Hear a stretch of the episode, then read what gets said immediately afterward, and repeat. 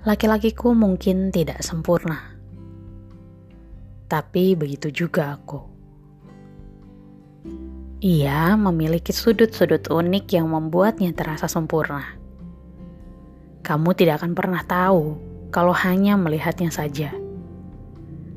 Kamu harus menyentuh sudut itu untuk merasakan kesempurnaannya.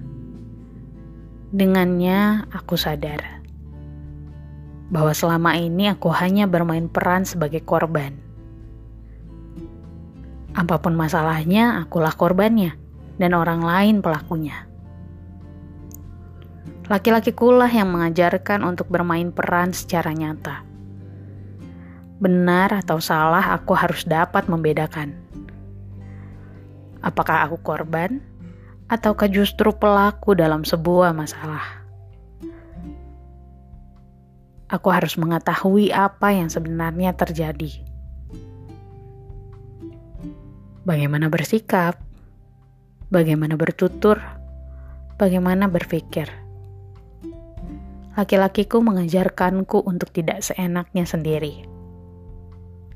Belajar untuk tetap tenang dan menyikapi segala sesuatu dengan bijak. Berhenti menghadapi segala sesuatu dengan amarah tidak mudah bagiku untuk berubah. Tapi laki-lakiku ada di sana. Di saat-saat sulit untuk memberiku pelukan hangat dan berkata, "Tidak apa-apa, ada aku." Ia tegas, namun lembut dan penuh kasih. Ia mungkin sangat tidak well prepare. Tapi ia memberiku ruang untuk menolongnya menata beberapa hal. Ia tidak memperhatikan kesehatan dan detail-detail kecil dalam kehidupan. Tapi ia memberiku ruang untuk menjaganya dan mengingatkannya akan detail-detail yang luput dari perhatiannya. Aku tidak sempurna, tapi ia dengan yakin sejak awal mempercayakan masa depannya pada gadis sepertiku. Dan aku sangat berterima kasih untuk itu. Laki-lakiku, calon bapak dari anak-anakku kelak.